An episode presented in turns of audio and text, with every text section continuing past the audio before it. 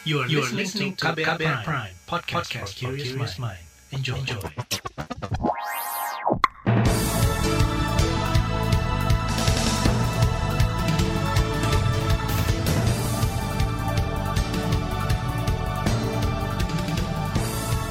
Anda mendengarkan Buletin Pagi edisi 13 Agustus 2021 yang dipersembahkan oleh kantor berita radio saya Reski Mesanto. Pagi hari ini kembali tim redaksi KBR telah menyiapkan sejumlah informasi untuk Anda. Di antaranya, pemenuhan hak kesehatan di masa pandemi belum maksimal.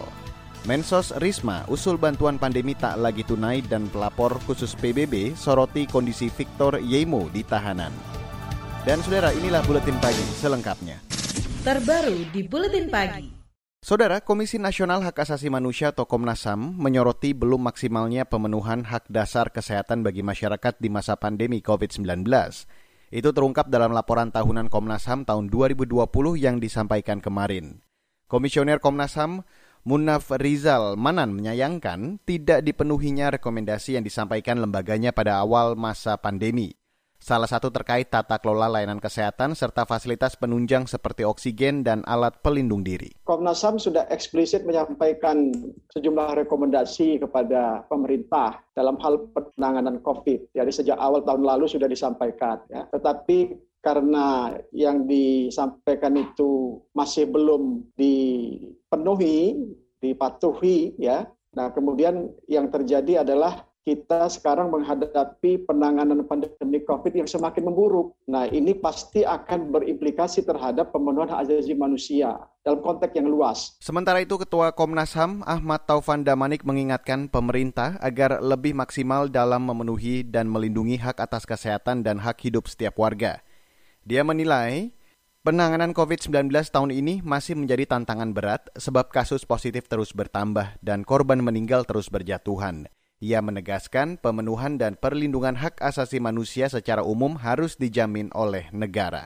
Sementara itu, Koalisi Relawan Lapor COVID-19 pendapat dengan Komnas HAM. Menurut relawan lapor COVID-19, Firdaus Ferdiansyah, meski pandemi sudah berlangsung setahun lebih, namun sejumlah permasalahan soal layanan kesehatan masih belum tertangani dengan baik.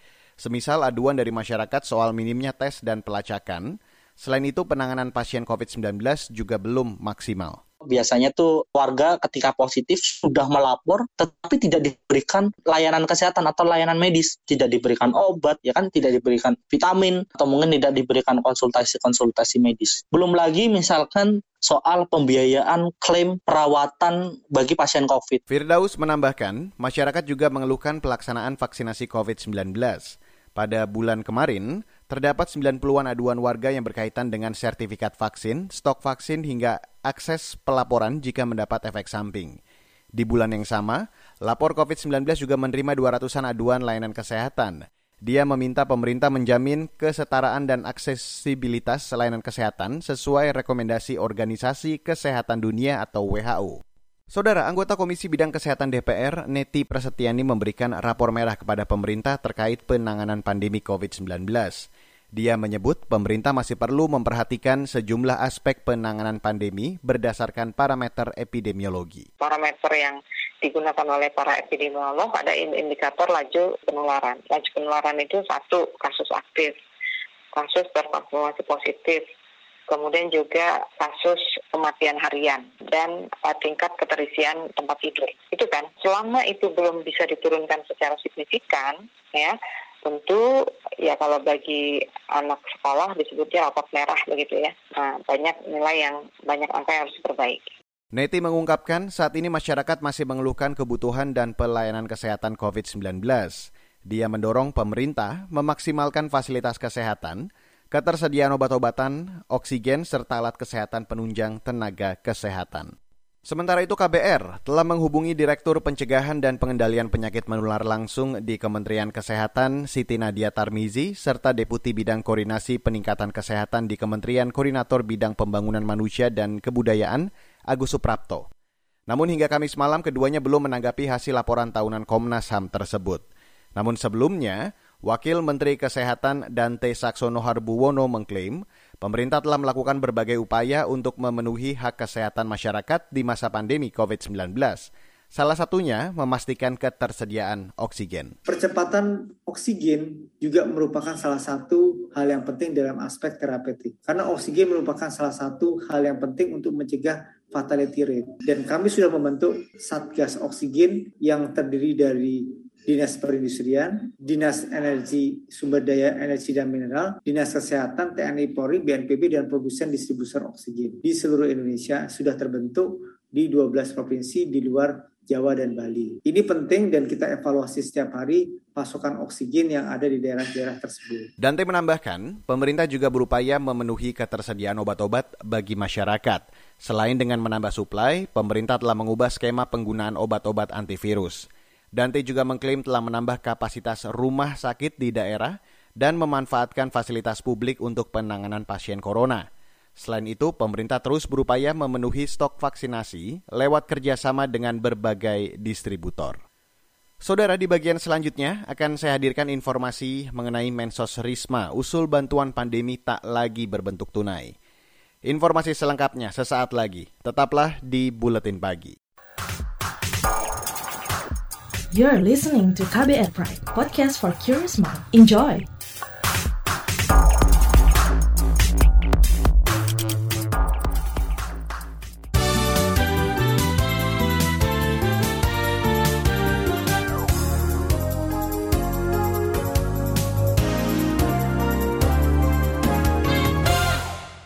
Saudara, pemasangan baliho tokoh di masa pandemi COVID-19 tidak berkorelasi langsung dengan tingkat elektabilitas.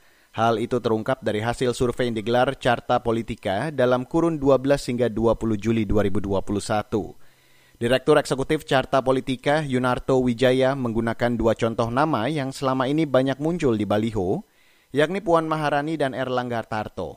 Elektabilitas keduanya ternyata masih terbilang rendah yang saya coba tangkap ini tidak terbaca di survei tapi saya coba lihat ini secara kualitatif pilihan menggunakan baliho billboard yang orang tahu itu menggunakan dana sangat besar itu akan menjadi efek bumerang dalam situasi krisis sulit seperti sekarang. Karena ketika berbicara mengenai kondisi sulit, tapi ada elit yang bisa menggunakan uang miliaran atau puluhan miliar untuk kebutuhan dirinya narsis, itu akan bumerang. Yunarto menambahkan, dana untuk pemasangan baliho akan lebih baik jika digunakan secara nyata untuk membantu masyarakat di kondisi sulit seperti ini. Atau kata dia, dana itu juga bisa digunakan membantu peningkatan tes COVID-19 di masyarakat. Saudara Menteri Sosial Tri Risma hari ini mengusulkan bantuan sosial masyarakat terdampak pandemi tidak lagi berupa uang tunai. Kata dia, masyarakat miskin terdampak pandemi lebih baik diberikan peralatan yang membuat mereka lebih produktif. Menurutnya itu dapat menjadi solusi agar masyarakat keluar dari kemiskinan. Karena sebetulnya kalau mereka hanya terima bantuan sosial, mereka hanya terima 300 ribu paling banyak. PKH yang paling besar kurang lebih hanya 3 juta, itu pun untuk yang lansia. Jadi rata-rata sebulan 1 juta. Padahal kalau kita bisa gunakan energi itu untuk mereka bisa bekerja maksimal, itu maka mungkin akan bisa lebih. Risma juga mendorong Pusat Kesejahteraan Sosial atau Puskesos dan Sistem Layanan dan Rujukan Terpadu atau SLRT menyelesaikan data masyarakat miskin yang masih menjadi persoalan. Dia mengakui masih ada masalah data penerima bansos. Ia meminta Puskesos dan SLRT melakukan analisis terhadap warga miskin yang masih produktif. Kita beralih ke informasi ekonomi. Saudara, Wakil Presiden Maruf Amin menginginkan migrasi sistem digital atau digitalisasi bagi usaha mikro kecil dan menengah atau UMKM dilakukan secara masif. Sebab menurutnya, digitalisasi bisa digunakan untuk mendongkrak pemulihan ekonomi nasional. Itu disampaikan Wapres dalam acara Puncak Hari UMKM Nasional 2021 secara daring kemarin. Pandemi memang telah menghantam sebagian besar bisnis UMKM.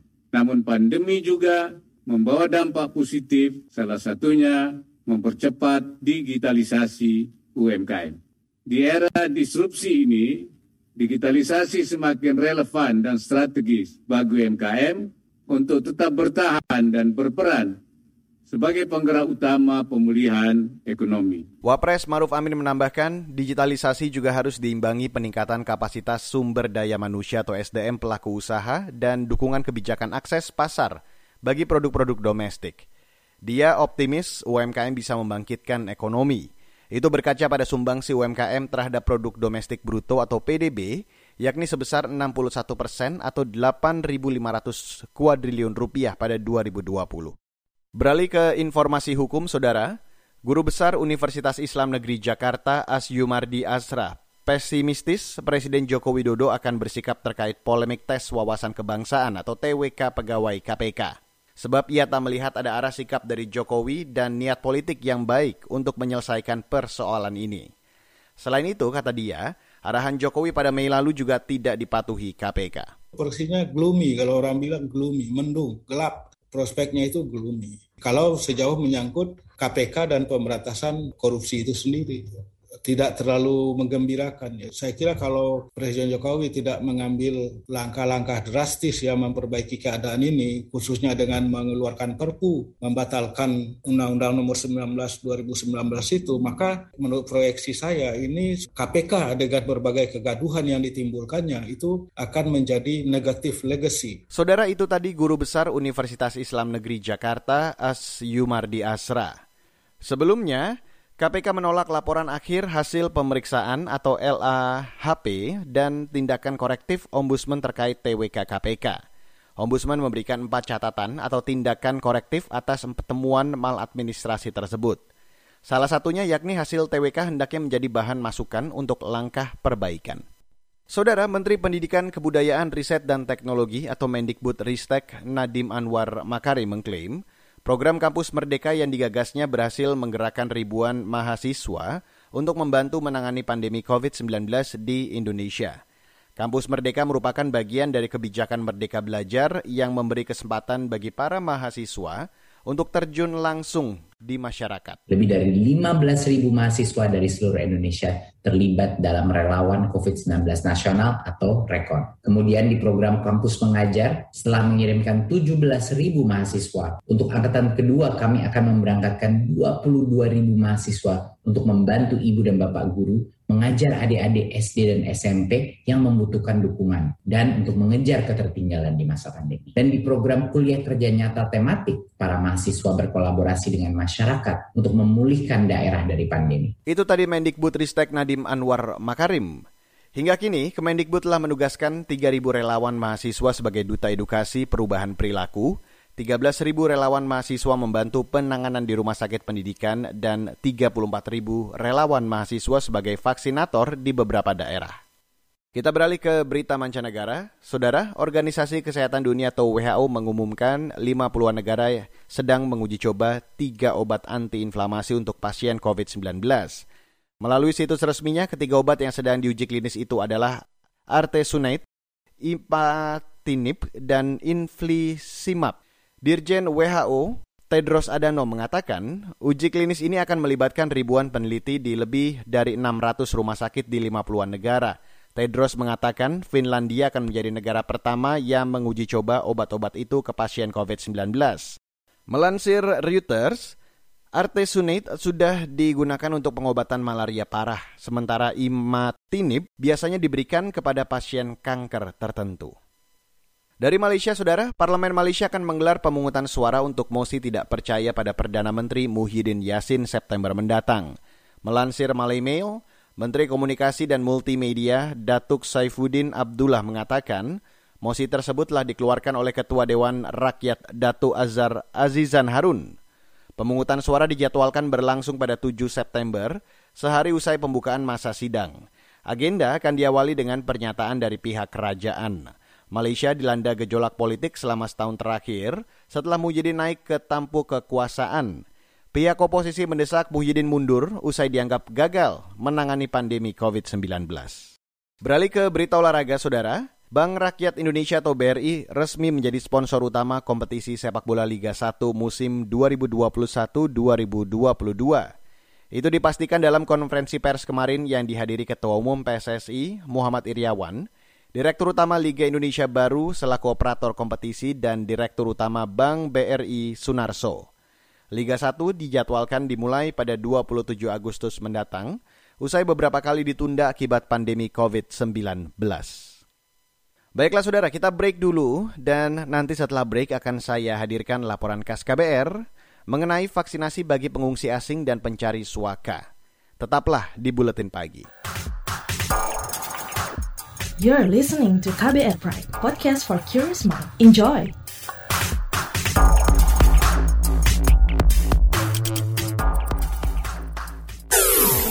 Commercial break. Ada kesedihan, air mata, dan trauma. Namun ada juga gelak tawa, bahagia, dan rasa bangga. Cerita kehidupan manusia adalah perjuangan dan pembelajaran. Pertanyaan dibalik itu secara psikologi, apakah dia punya niat membunuh? Kan belum tentu. Saya kaget ketika ada konflik sesama orang Madura sendiri mengatasnamakan aliran keagamaan. Sejak itu, warga Syiah harus mengungsi sampai sekarang. Untuk kehidupan saya pada waktu itu aja nggak menentu kan. Boro-boro mikirin untuk perpustakaan gitu. Saga, cerita tentang nama, peristiwa, dan fakta. Liputan khas KBR ini telah memenangkan berbagai penghargaan nasional dan internasional. Anda sedang mendengarkan program Saga Produksi KBR. Simak di program Buletin Pagi pukul 6 waktu Indonesia Barat, Buletin Sore pukul 16 waktu Indonesia Barat, dan KBR Pagi pukul 7 waktu Indonesia Barat. Dengarkan Saga di radio jaringan KBR di Nusantara atau streaming di kbr.id. Saga juga hadir dalam bentuk podcast di kbrprime.id. KBR Inspiratif Terpercaya.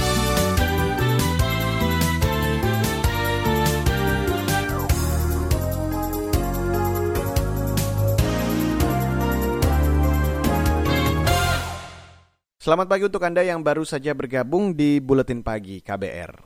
Saudara, pemerintah diusulkan melakukan vaksinasi bagi pengungsi asing dan para pencari suaka. Mereka dinilai berisiko tertular atau menularkan virus lantaran bermukim di zona merah penyebaran COVID-19.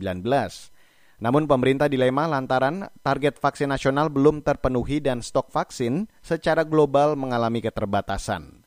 Berikut saya hadirkan laporan khas KBR yang disusun jurnalis KBR Heru Haitami. Pemerintah Provinsi DKI Jakarta menjanjikan vaksin COVID-19 bagi para pengungsi asing dan pencari suaka di ibu kota. Gubernur DKI Jakarta Anies Baswedan dikabarkan telah menyurati Kementerian Kesehatan meminta izin untuk menggelar vaksinasi tersebut. Wakil Gubernur DKI Jakarta Ahmad Riza Patria beralasan pemberian vaksin bagi pengungsi asing dan para pencari suaka sebagai bentuk kemanusiaan. Ya memang kita ini kan ini urusan kemanusiaan, jadi kita tidak membedakan ya, membedakan agama, suku, adat, daerah mana. Jakarta melayani semua masyarakat, bahkan WNA juga kita layani secara baik ya. Alasan lainnya disampaikan Kepala Badan Kesatuan Bangsa dan Politik Kesbangpol DKI Jakarta, Taufan Bakri. Vaksinasi bagi masyarakat di DKI Jakarta diklaim telah mencapai 80 persen. Jadi kita sudah mencapai kemarin 8,2 dan mungkin terus berkembang akan menjadi di akhir Agustus ini pertengahan sudah sampai 9 eh, juta. Jadi kenapa kita terus merambah kepada orang asing terutama pengungsi gitu? Karena dari data 2000 ya. orang ini juga merupakan sumber juga nantinya kalau segera kita lakukan iya. vaksin. Ya. Jadi kita Jakarta semua siapa pun dia warga negara Indonesia atau warga negara asing harus sudah divaksin. Komisi Tinggi PBB untuk Pengungsi UNHCR berharap para pengungsi di Indonesia mendapat vaksin COVID-19. Komisioner Tinggi PBB untuk Pengungsi di Indonesia Julia Zaikoski mengatakan, para pengungsi dan para pencari suaka ini harus diberi vaksin lantaran bermukim di wilayah zona merah dan memiliki kerentanan. Dari UNHCR, kami telah melakukan segala yang kami bisa, termasuk kami telah menulis surat pada beberapa negara donor yang telah uh, menyumbangkan vaksin ke Indonesia sebelumnya uh, untuk meminta agar mereka mungkin bisa menyisihkan sedikit dari suplai vaksin mereka untuk pengungsi atau untuk mengirimkan beberapa suplai vaksin tambahan untuk pengungsi. Di luar itu, UNHCR juga telah berkoordinasi dengan beberapa pemerintah daerah untuk melihat apakah mereka mempunyai suplai vaksin dan untuk pemerintah-pemerintah yang mempunyai suplai vaksin yang cukup dan di mana warga negara Indonesia sendiri telah dan akan mendapatkan suplai yang cukup, kami melihat bagaimana kami bisa mendukung implementasi vaksin di daerah-daerah. Julia mengungkapkan ada satu organisasi swasta bertempat di Belanda yang kemungkinan bisa mendonasikan beberapa dosis vaksin yang dapat dipakai pengungsi. Namun kata dia, UNHCR belum mempunyai kepastian untuk itu. Data UNHCR per Maret 2021 mencatat ada 13.000 pengungsi dan pencari suaka di Indonesia. Sementara mereka mencatat baru ada sekitar 600 pengungsi yang tersebar di Pekanbaru, Aceh Timur, Loksmawe, dan Kupang yang telah menerima vaksin COVID-19. Menanggapi itu, pemerintah menyatakan masih akan memprioritaskan vaksin bagi warga Indonesia. Juru bicara vaksinasi di Kementerian Kesehatan Siti Nadia Tarmizi mengatakan bahwa pengungsi asing dan para pencari suaka belum menjadi sasaran vaksinasi nasional. Apalagi kata dia, saat ini stok vaksin global tengah mengalami keterbatasan. Di sisi lain, ahli epidemiolog Universitas Griffith Australia Diki Budiman menyebut pemberian vaksin bagi pengungsi asing dan pencari suaka sudah menjadi kesepakatan global. Ia menyarankan pemerintah menjalin kerjasama dengan organisasi internasional untuk pengadaan vaksin khusus pengungsi asing kemudian kesepakatan global ya dan ini UNHCR ya bahwa pemberian vaksinasi ini juga harus mencakup semuanya. Dan di banyak negara itu ya seperti di Amerika di mana kan di negara-negara seperti Afrika pun ya mereka memberikan pada para pengungsi ya dan pencari suaka tanpa melihat status identitasnya. Dan ya tentu ini juga ada prioritas juga gitu diprioritaskan lansianya dulu yang komorbidnya dulu gitu ya sama sama ya. Diki mengingatkan bahwa pemberian vaksin COVID-19 mesti merata dan menjangkau berbagai kalangan, sebab para pengungsi dan pencari suaka pun termasuk berisiko menularkan ataupun ditularkan virus di lingkungan sekitarnya. Tidak ada perbedaan, jadi tidak ada perbedaan dengan populasi umum juga di Indonesia. Ini prinsip yang harus diambil oleh pemerintah dan tidak tidak ada perbedaan, tidak membedakan. Bahkan sampai akhir tahun ini target dunia ya PBB untuk para pengungsi dan pencari suaka itu dari misalnya di Indonesia ada 10 ribu ya 20 persennya. Ya, jadi secara total dunia itu akhir tahun ini 20 persen dari para pengungsi dan pencari suaka di tiap negara itu setidaknya mendapatkan vaksinasi penuh. Jadi ini yang yang menjadi target dan, dan tidak ada kecualian untuk Indonesia juga sama seperti itu. Demikian laporan khas KBR yang disusun Heru Hayatami. Saya Dwi Renjani. Saudara, di bagian akhir dari buletin pagi hari ini akan saya hadirkan informasi dari berbagai daerah di Indonesia. Tetaplah di buletin pagi. You're listening to KBR Pride, podcast for curious mind. Enjoy.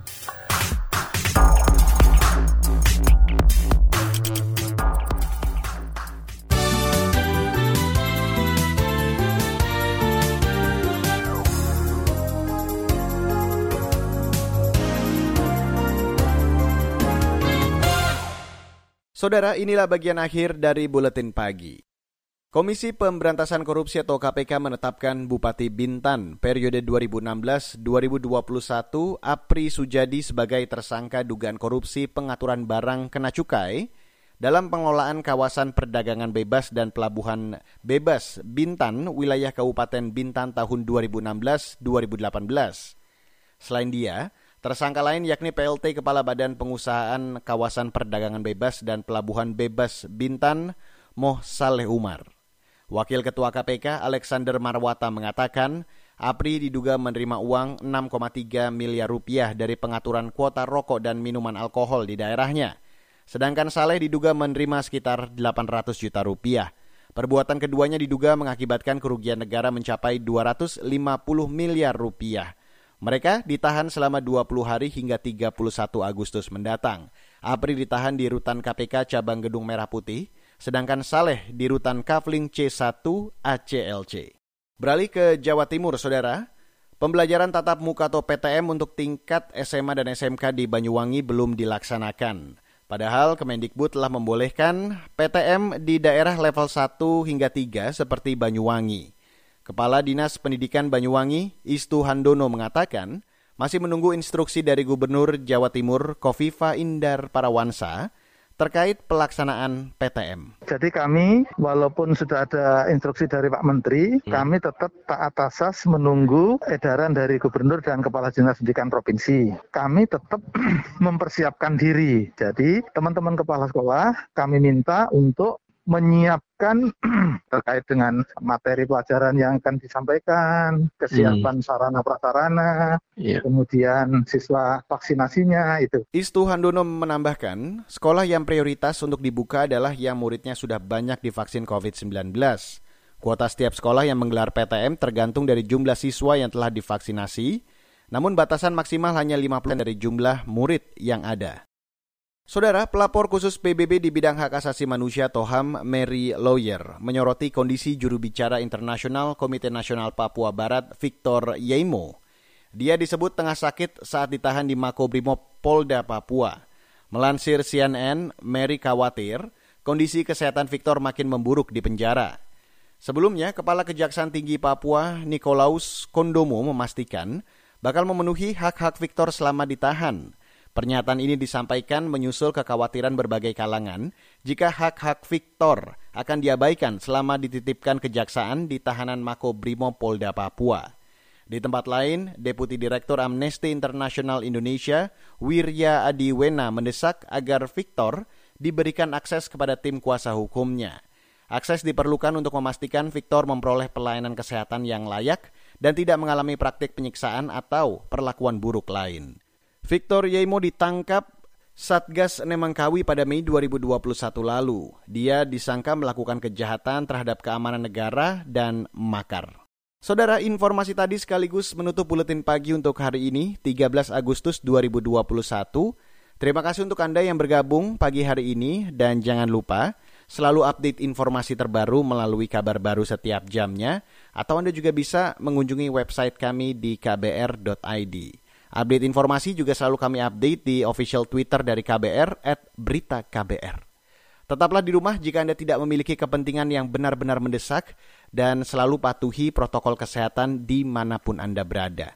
Mewakili tim redaksi yang bertugas pagi hari ini, saya Reski Mesanto undur diri dari Buletin Pagi. Salam.